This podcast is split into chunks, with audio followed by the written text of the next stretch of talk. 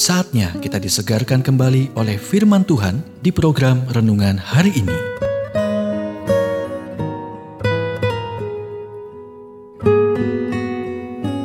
Renungan hari ini berjudul Membuat keputusan-keputusan yang bijaksana.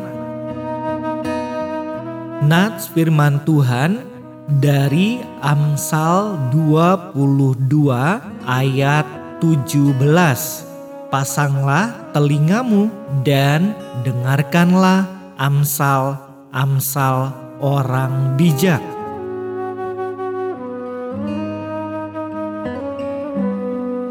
Pikirkan tentang keputusan besar yang kita buat sepanjang hidup kita memilih pasangan, memutuskan tempat tinggal dan tempat bekerja.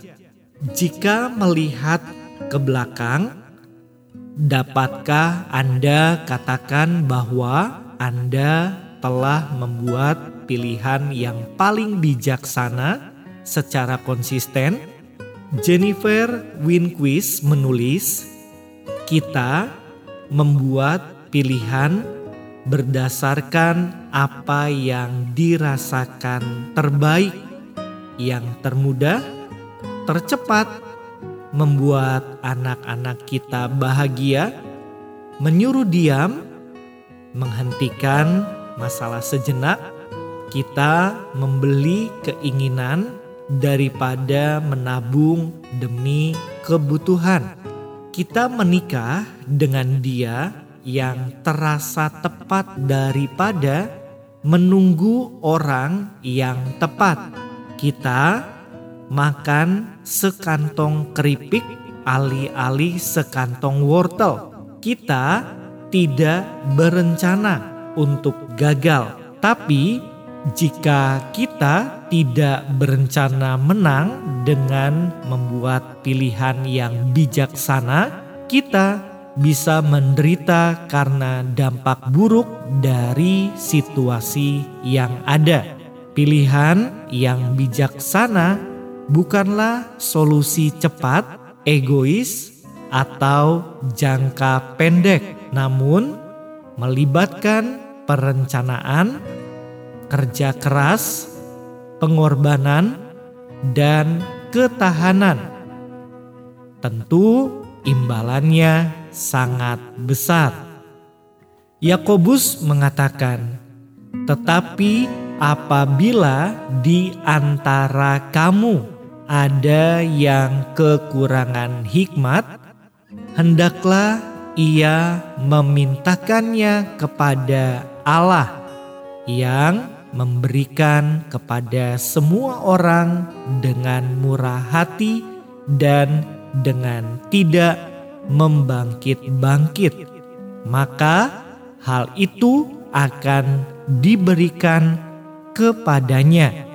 Yakobus 1 ayat 5. Dunia menghabiskan miliaran dolar untuk mencari hikmat, tetapi sebagai anak-anak Tuhan, kita memiliki hikmat dari pencipta alam semesta yang tersedia bagi kita.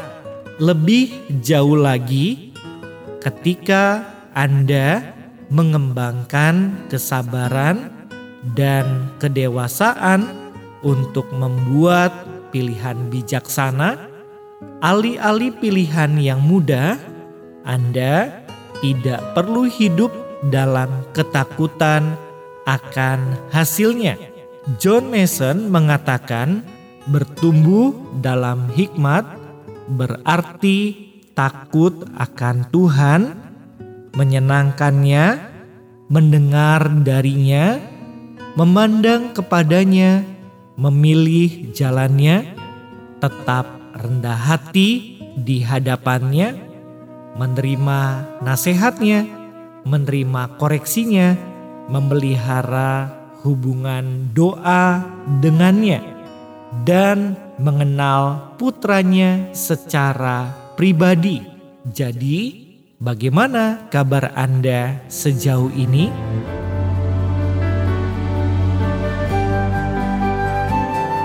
Kita telah mendengarkan renungan hari ini. Kiranya renungan hari ini terus mengarahkan kita mendekat kepada Sang Juru Selamat, serta menjadikan kita bertumbuh dan berakar di dalam Kristus. Renungan hari ini tersedia dalam bentuk buku maupun digital dan bisa Anda miliki dengan menghubungi Japri di WhatsApp 0812 8784 7210 atau email ke infoapripusat@gmail.com. Tuhan memberkati.